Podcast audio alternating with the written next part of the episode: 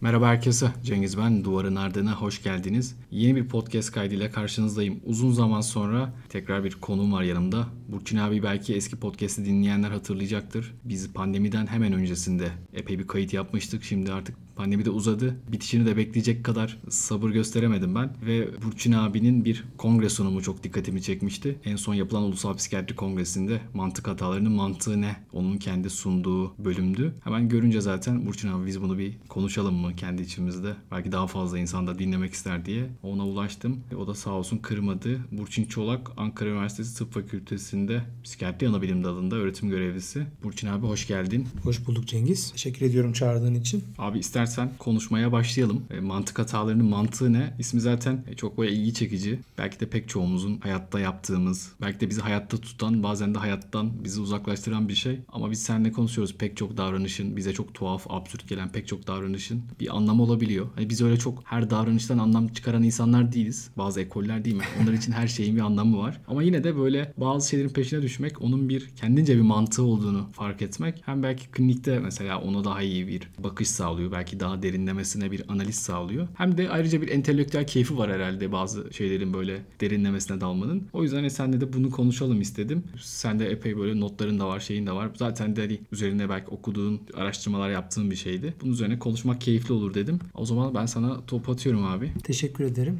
Sen yine güzel bir başlangıç yaptın. Aklıma şu geldi bir laf var. Nerede okuduğumu hatırlamıyorum. Herhalde bir tweet olabilir. Öykü mü? Yani durumu öykülemek mi? Herhangi bir işte bu podcast'in konusu mantık hataları diyelim ki. Bu bunu öykülemek mi daha üstündür yoksa bunu açıklamak mı? Bizim aslında klinik pratiğimizde de böyle. Bazen semptomları ya da durumları açıklarız ama bazen de semptom veya durumları bir öykü haline getiririz. Dağıtmak için söylemiyorum ama aslında bence buradan aklıma gelen çağrışım rüyalar geldi. Hani hep tartışılır ya rüyaların anlamı var mıdır? Özellikle psikoterapide genellikle hani söylenen rüyanın terapist ve hasta arasında öyküleştirilmesi önemlidir ve o öyküden bir belki terapatik bir hedefe ulaşmak önemlidir. Mantık hatası da bu bağlamda aslında hem bir açıklamaya muhtaç hem de aynı zamanda öyküleştirmeye muhtaç diye düşünüyorum. Aynı klinik değerlendirme ya da hasta ile hekim arasındaki o psikoterapötik ilişki gibi diye düşünüyorum. Ben de görünce zaten hani daha BDT bakışıyla bir yola çıkıldığını düşündüm ama onun o BDT'nin pek çok böyle aslında yapmaya çalıştığı şeyin içinde bir felsefe var. Yani en basitinden Sokratik sorgulama. Yine BDT'de yapılan bir şey ve işte bir felsefi dayanağı var aslında. Muhtemelen bu bilişsel çarpıtmaların, otomatik düşüncelerin e, bir anlamı olabilir, bir manası olabilir diye oradan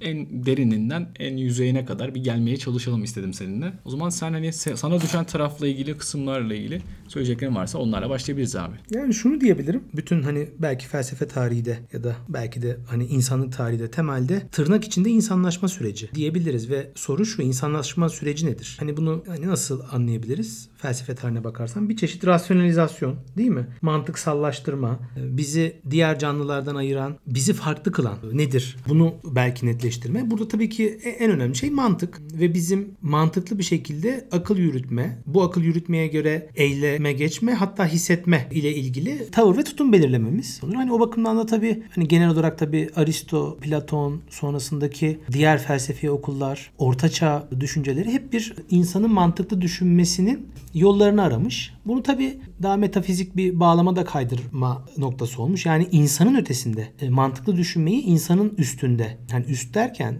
daha e, nitelik olarak daha üst bir kavramla açıklamaya çalışmış. Bu tabii hem ruh hem dini inanç gibi düşünebiliriz. Tabii muhtemelen bir çeşit bir kompansasyon gibi Neyin kompansasyonu? Aslında insanın bir taraftan rasyonel ya da mantıklı olamadığının bir kompansasyonu. Yani tamirat, tadilat süreci gibi eksiklere yönelik. Bu bağlamda tabii mantık hataları çok yaygın. Biz de kliniğimizde çok sık karşılaşıyoruz. Çoğu zaman bununla uğraşıyoruz. Bu tabii psikotik spektrumdan nevrotik spektruma kadar geliyor. Klinik dışında da aynı zamanda var. Belki burada yine hani o hastalık tanımına neyi koymak gerekiyor onu tartışmalı ama aslında mantık hatası hani sosyal psikoloji kuramlarını da düşünürsek kural gibi bir şey aslında.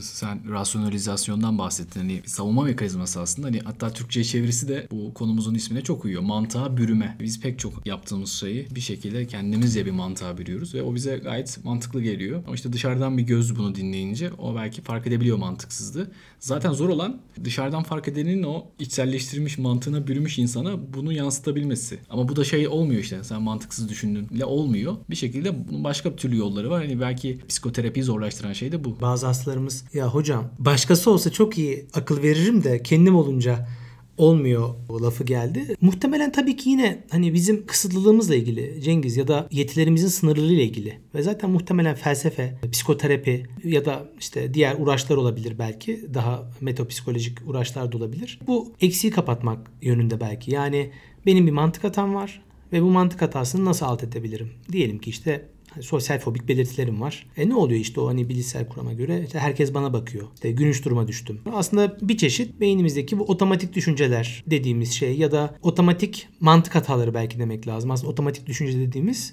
aslında mantık hataları. Hani bunları nasıl alt edebiliriz ya da belki de alt etmek için önce anlamak lazım. Hani tabii anlamak lazım deyince de olay yine hem birey bazında anlamak yani ne derler bunu? Ontogenetik o bireyde nasıl geliştiği anlamak gerekiyor. Bir de tabii filogenetik anlamak. Yani insandan öte o kişinin diğer hani kökenleriyle, filogenetik kökenleriyle ilişkisini anlamak oluyor. Yani hem birey bağlamındaki fonksiyonu hem tür bağlamındaki fonksiyonu önemli olabiliyor. Nedir mesela? İşte yılan fobisi örneğini verirsek. Hani yılandan korkmak. Mesela mantık hatası mıdır? Aslında değildir. Neden? Çünkü doğada yılanla karşılaştığın zaman ve zehirliyse ölme ihtimalim var. Ama mesela modern zamanlarda şimdi korkmak mantıklı mıdır diye düşündüğümüz zaman e, mantıklı değil aslında. Yani karşılaşsak mantıklı ama maruz kalmayacağımız için kalma ihtimalimiz düşük olmasına rağmen korkmak, bundan dolayı diyelim ki evden çıkamamak örnek olsun diye söylüyorum. Mantıklı değil. Ama bir şekilde bu bizim hani genetik, zihinsel, hani mental kodlarımıza kodlanmış. Evet bu podcast kaydı aslında 37 dakikalık bir kayıttı.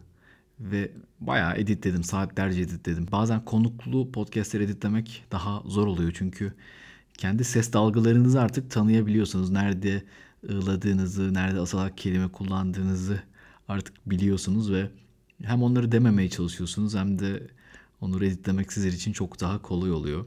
Tabii bir tarafa bütün bu zorluklar, bütün bunların ardından çok güzel bir sohbet olmuştu Burçin abiyle. Ben bütün bu kaydı editledikten sonra bir dinleyeyim istedim baştan sona ve 6-7 dakika sonra ses gelmemeye başladı. Herhalde dedim bir şey oldu. Tekrar açtım, tekrar şey yaptım. Gelmiyor. Orada belli bir yerden sonra gelmiyor. Bu Apple'ın GarageBand uygulamasında bazen o e, ses dalgalarını uzatarak işte öne arkaya bir şekilde tekrar dalganın devamını görebiliyorsunuz. Herhalde dedim devamını şey yapmadı. Ben oradan tekrar uzatırım. Hani en kötü tekrar editlerim diye düşünüyordum ve bütün bu zahmetin yanında bir daha bir zahmete girecektim. Neyse dedim. Sonra baktım o dalgalardan yeni bir ses dalgası çıkmıyor. Her neyse bu süreçte yani ben böyle bayağı kasılı kaldım. Yani hani gerçekten çok büyük bir kayıp olarak geldi. Hani telafi edilmeyecek bir kayıp değil. Yani bir gün Burçin abi tekrar davet ederim. Bu konular hakkında tekrar konuşuruz. Yani onunla ilgili hani işin ucunda ölüm yok. Hayat o kadar zorken buna üzülmek. Evet buna üzülmek belki hakkım ama bundan dolayı derbeder olmaya gerek yok diye düşündüm. Hatta bu üzüntümü Instagram'da da paylaştım. Doğru Nerede Pod'un sayfasında. Normalde insanların çok az reaksiyon verdiği bir şey aslında Instagram ya da storyler. Hele böyle podcast kanalı işte böyle blog tarzı şeylerin yani bireysel Instagram hesabımda bir şey paylaştığım zaman elbette insanlar yani orada kanlı canlı birisi olmam nedeniyle çok daha fazla reaksiyon veriyor. Yani iletişime geçtikleri bir insan var benim yani. Şimdi öteki türlü podcast'ın kanalıyla iletişime geçmek belki çok kolay olmuyor. Mesela öyle işte podcast kanallarında fotoğraf paylaştığınızda da daha az insan beğeniyor. Çünkü bir özne yok aslında. Bir iş var işin ucunda. Her neyse çok fazla insandan mesaj geldi. Destek mesajı geldi. Yani üzülmeyin olsun, sağlık olsun gibi. Gerçekten insanın bazen üzüntüsünü, acısını paylaşması işe yarıyor. Acımı biraz olsun paylaşmak kendimi iyi hissettirdi. Sonrasında zaten siz bu podcast'i dinliyorsanız dedikodu podcast'ini muhtemelen dinlemiş olacaksınız. Yani onu da kaydetmiştik. Allah'tan o sağlamdı. Hani onu paylaşmış oldum. Elde bir şey olmuş oldu. Bir taraftan yani bu podcast işiyle ilgili iş biraz daha böyle e, amatörlükten hafiften çıktı. Böyle yarı profesyonel bir tarafta olarak görüyorum kendimi. Yani editleme, e, onları paylaşmak, işte kayıt alma ve bütün bunların sonucunda sıralamalarda yükselme. E, artık hani Spotify'da 30'lara gelmişim. Gerçekten 30'lar Spotify'da epey mesele yani benim gözümde. Bilmiyorum ne kadar takip ediyorsunuz oradaki değerleri, sıralamaları. Ve sonunda hani şöyle bir öneri geldi işte podcast yapan arkadaşlardan ya da e, bir takım dosyalarını böyle yedekleyen arkadaşlardan işte bir tane harici eksternal disk al işte Apple'ın Time Machine'ini kullan işte şöyle bir yazılım kullan gibi. Ama sonuç olarak bütün bunların hepsi masraf. Belki evet bir, bir zaman sonra bunlara da ihtiyacım olur ama zaten çok masraflı, kendimce masraflı bir şeye kalkışmıştım. Evet bazı şeylerin telafisi için insan bazı masraflara girebilir. Yani bazı şeyleri ya da kaybetmemek, yitirmemek için. Hayatta belki de her şeyi yedeklesek değil mi? Çok az şeyi kaybederiz. Zaman kaybettim, emek kaybettim. Ama keyifli bir sohbet vardı Burçin abiyle. Hani o benim için onu da uzun zaman sonra görmek iyiydi yani. Sonuçta siz dinleyemediniz belki ama biz ikimiz kendimizi dinlemiş olduk. Kaldı ki ben bir daha baştan sonra zaten dinlemiştim. E, o yüzden sadece benim dinlediğim bir podcast oldu bir yandan da. Aslında biraz da hani bahsedebiliriz. Biz Burçin abiyle özellikle hani bu mantık hatalarının kendince bir mantığı olabileceğini düşündük. Yani öyle düşündü o daha doğrusu. Ben de hani e, bir yerden sonra o şekilde bakmaya başladım. İnsanın bazı kararları verirken e, nasıl seçimler yaptığı ile ilgili yani bu pek çok davranışsal ya da işte belki pazarlamada e, onunla ilgili psikolojilerde zaten yeri olan bir şey. Evrimsel psikoloji gözüyle de baktığımızda özellikle bu heuristik karar verme mekanizmaları öne çıkıyor. Özellikle sezgiye dayalı karar vermeler. Yani insanın bir kararı verirken sanıldığı kadar böyle matematiksel düşünmediği, tüm hesapları yapsak da bizim için anlam ifade eden şeylerin ağırlığı çok başka olabilir. E, o yüzden yani e, çok pahalı bir ürünü çok ucuz bir ürün yerine satın alabiliriz. Yani bu mantıksız gözükebilir ama bizim karar verme mekanizmalarımız böyle çalışıyor. Hani bizi biz yapan şey bu. Mesela klinikte de bu çok karşımıza çıkan bir şeydi. Bunun üzerine de konuştuk. Hasta geliyor. Siz bir hastayı görüyorsunuz ve diyorsunuz ki bu hastadan şu tetkiki isteyin. Aslında çok bir bilgi yok elinizde ama sonra o tetkikten gerçekten hastanın kaderini değişecek bir sonuç çıkıyor ortaya. Yani artık buna sezgi mi dersiniz, işte heuristik bir mekanizma mı dersiniz? Bu anlamda kafa karışıklığı yaratan bir şey. Yani mantıksız gözüken ya da yeteri kadar elimizde argüman dona yokken verdiğimiz pek çok karar var böyle. Bunlar bizi hayatta tutan şeyler bir yandan. Bir yandan da evet belki bazı hatalarımızın belki işte romantik ilişkilerdeki hatalarımızın bir sebebi. Yani bir insana yaptığı şeyin mantıksızlığını söylemek aslında sadece dışarıdan bir insana göre mantıksızlık. Pek çok şeyin girdaplı ilişkinin içinde bir mantık olduğuna biz ikimiz en azından karar verdik diyelim ki istismar edildiğinizi düşündüğünüz bir ilişkidesiniz. Daha doğrusu hani biz öyle düşünüyoruz. Siz anlatıyorsunuz çektiğiniz acıları, yaşadığınız zorlukları ama bir şekilde bu ilişkinin içinden çıkamıyorsunuz. Yani hayır diyemiyorsunuz. Tam anlamıyla bitiremiyorsunuz. E şimdi burada baktığımızda bütünüyle bir zarar, ziyan durumu mu var yoksa o şekilde olmak belki de insana bir yerden iyi mi geliyor, iyi mi hissettiriyor? Yani bu mantıksız gözüken şey aslında o insan için bir şeyin anlamı olabilir mi? Evet şu bir gerçek yani durumlar karşısında belli faydaları, belli karları sağlamak için bir maksimizasyona ihtiyacımız var. Yani pek çok şeyi düşünerek durum karşısında bir maksimizasyon yaratıp bu sayede bir avantaj sağlayabiliriz ya da mevcut şartlar içinde bir optimizasyon sağlayarak yine kendimiz için en uygun şeyi belki de almaya çalışırız. İnsan tabii ki evrimi boyunca bu maksimizasyon ve optimizasyon için pek çok mekanizmayı harekete geçirdi. Ve bunun üzerine belki sürekli daha çok düşünüyoruz. Hani günümüzü nasıl daha verimli geçirebiliriz? Kendimiz için daha uzun ömürlü yaşamak nasıl mümkün olabilir? Ya da bir insandan daha fazla nasıl verim alabiliriz? Bir ürünü daha çok nasıl satabiliriz gibi pek çok şeyi düşünüyoruz. Yani bu maksimizasyon ve optimizasyon çerçevesinde. Ama şu bir gerçek ki bu maksimizasyon ve optimizasyon belki ideal senaryo ama bunun dışında işte ama hani öyle anlar geliyor ki ne maksimizasyona dair bir çabamız işe yarıyor ya da ne optimizasyona dair bir isteğimiz var. Yani tamamıyla aslında insanın tahmin edilemez, öngörülemez taraflarıyla da ilgili pek çok şey var. Bununla ilgili pek çok örnek var aslında. Bazı işleri yapıyoruz örneğin. Diyelim ki mesela doktorluktan örnek vereyim. Doktorluk çok da tartışılıyor bu ara. Özellikle son asgari ücret zamlarından sonra tekrar doktor maaşları, doktorların işte bu pandemide de yaşadığı şartları da düşünürsek. Hani böyle alt alta koyduğumuzda verilen emek, onun karşısında alınan şeyleri. Evet bir taraftan insan diyor ki ya ben bu işi niye yapıyorum? Hani bunun bir mantığı yok. Pek çok insan böyle diyor.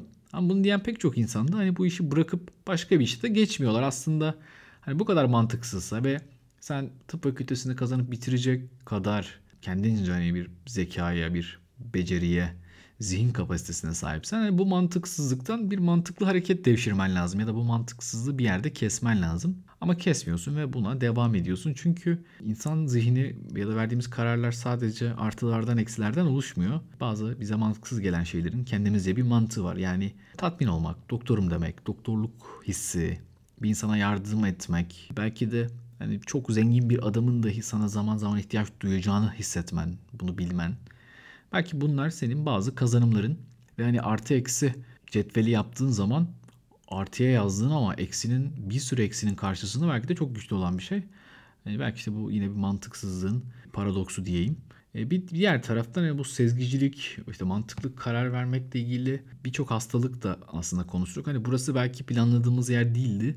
Ben biraz bu konuyu açtım ve bana çok e, keyifli geldi konuşması. Özellikle insanın bazı durumları deneyimlemesinden konuşuyorduk. Yani insanın e, çeşitli problemler karşısında bazı eski deneyimlerini tekrar gözden geçirip ona göre yeni bir karar vermesi. Pek çok kararımız belki eski kararlarımıza göre şekilleniyor ve bu deneyimlerimiz sayesinde mantıklı kararlar veriyoruz. Ama bazen bu deneyimlemekle ilgili problemler yaşadığımızda ortaya bazı hastalıklar çıkabiliyor. Örneğin bir durumda kişi bir anda işte diyor ki yani bu benim annem değil. Yani annesine benim annem değil diyor. Çünkü onu annesi olarak deneyimleyemiyor. Bakıyor işte annesine benziyor. Annesi yaşlarında aynı evde. Evet yani böyle çeşitli argümanları yan yana koyunca onun annesi olması ile ilgili çok yüksek bir ihtimal var ortada.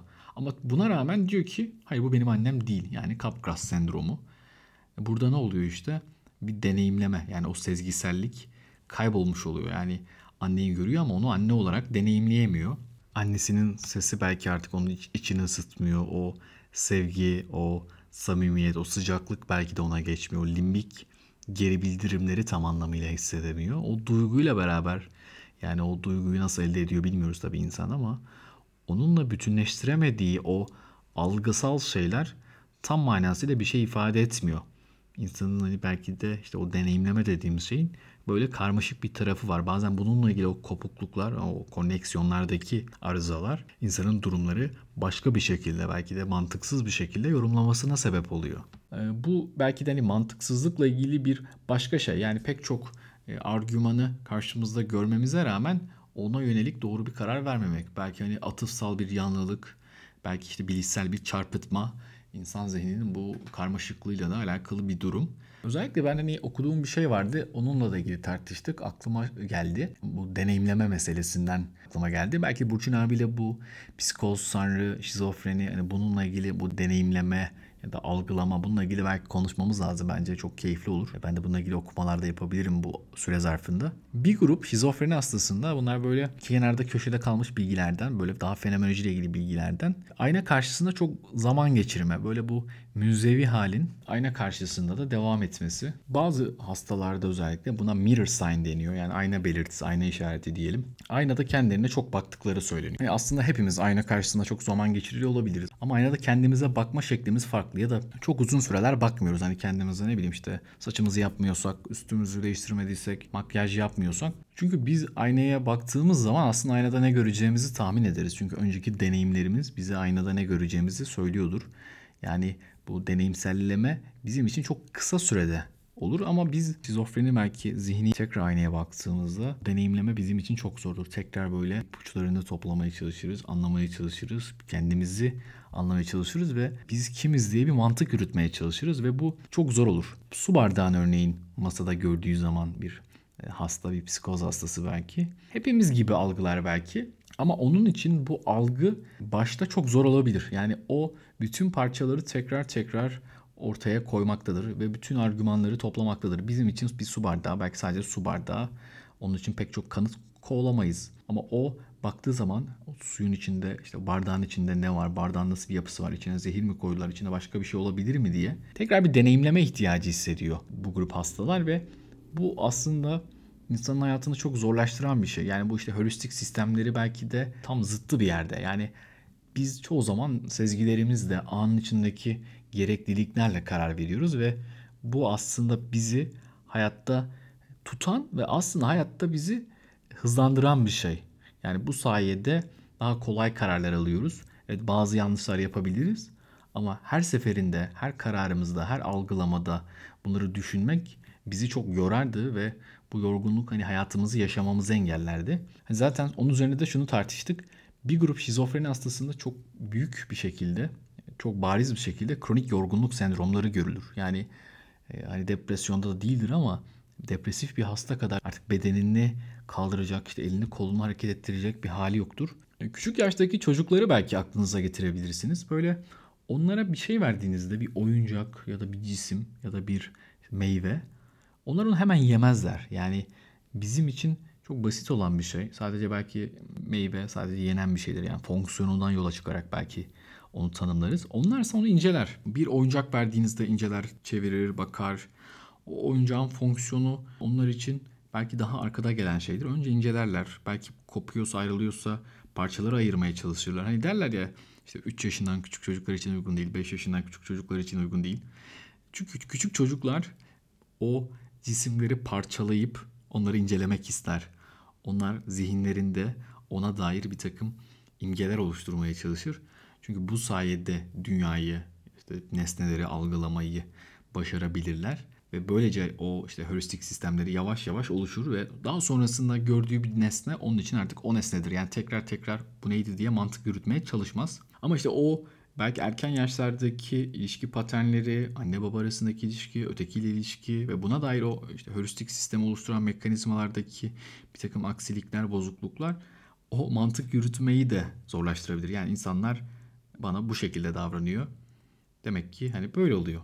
Özellikle küçük yaşlardan istismara uğrayan, tacize uğrayan, travma uğrayan çocuklarda bunu sık görülen bir şey. O heuristik sistemin gelişmesi önemli ama gelişim kısmında da insanın sağlıklı olması da bir yandan önemli. Yani insan robot değil sonucunda ve hani bir gün robotlar dünyayı ele geçirir mi bilmiyorum ama hani robotlar hayatımızda çok yerde varlar. Ama gerçekten de çok analitik düşünen ve çok fazla parametreye sahip bir robot bile bazen bir insanın aldığı kararı alamayabilir. İşte bu heuristik sistem o beklenmedik, bilinmedik, aniden gelişen durumlarda insanın o sezgiselliği hiçbir robotta herhalde olmayacak. Ve o yüzden de insan insan olma özelliğini koruyacak. Yani hatalarımızla, anlık kararlarımızla koruyacağız. Çünkü bu bizi biz yapan bir şey. Ve burada şu örneği vermiştim. Size de o örneği vererek bu podcast'te bu yarım yamalak, bu böyle kırılgan, benim canımı yakan podcast'i sonlandıracağım. Gerçekten hayat böyle. Birçok şey var beklenmedik olabilecek. Bir daha umarım böyle bir şey başıma gelmez. Kendimce önlemler almaya çalışacağım elbette. Bir basketbol takımı var. Dallas Mavericks. Amerikan Basketbol Ligi takımı. Ve bir koç var Rick Carlisle diye. Ve bu koç takıma uzun zamandır koçluk ediyor. Ve şöyle farklı bir koç. Yani bu koça benzeyen koçlar artık çıktı tabii ama ilk zamanları onu farklı yapan şey şuydu. Basketbol 5 kişiyle oynanıyor ve takımlar her zaman sahaya belli setlerle, belli oyun düzenleriyle çıkıyorlar bütün işte hafta boyunca antrenmanlarda ya da yazın o setler üzerine çalışıyorlar. Ben takımın gardı böyle ya da koç elini kaldırır bir işaret yapar. İşte iki der, işte eli yumruk yapar ve herkes bir set oynamaya başlar. Bu bir yerden sonra diğer takımların artık çözebileceği bir şey dönüşür ve tahmin edebilir olurlar. Yani her ne kadar başarılı bir set uygulasalar da en son bu setin sonunda köşedeki adam üçlük atacaksa set başladığı anda köşedeki adama koşan takımlar görürüz bazen. E bu koçlar Rick Carlisle'la bunun farkındaydı. Aslında pek çok koç bunun farkında. Zamanla bu bakış değişti elbette. Ve set olmadan bir basketbol oynatmaya başladı. Yani ben oyuncularımı özgür bırakıyorum. Onların sezgilerine bırakıyorum. Oyun o anda neyi gerektiriyorsa onu yapmalarını istiyorum diye söylüyor ve başka türlü bir çalışma metodu geliştiriyor. Belki bu sezgiciliğini geliştirmeye yönelik o anki o belirsiz anlarda karar vermeye yönelik bir antrenman metodu geliştiriyor ve bu sayede oyuncular gerçekten tahmin edilemez setler oynamaya başlıyor. Rakiplerin akılları karışıyor. Belki kendilerinin de akılları karışıyor ama savunmanın aklının karışması onlar için daha büyük bir avantaj oluyor diye bu örneği vermiştim ve Burçin abi de Türk futbolunun o meşhur göndermelerinden birisini yaptı. Evet Fatih Terim de böyle oynatıyor herhalde. Taktik maktik yok bam bam bam diyerek. Fatih Terim ki tam böyle mi bilmiyorum ama onun daha böyle güdüleme, motivasyona yönelik bir tarz olduğunu düşünüyorum. Yoksa sezgileriyle oynayan bir takım yaratma amacında mıydı? Bilmiyorum. Belki de hani sandığımızdan daha büyük bir oyun aklı vardır. Daha da fazla Türk futbolunu speküle etmeden bu podcast'i kaydetmiş olayım. Umarım hani bu kafa karışıklığı yaratan podcast sizin için böyle tatlı bir an olur. Benim için de unutamadığım bir an oldu bile zaten. Kendinize iyi bakın. Hoşçakalın.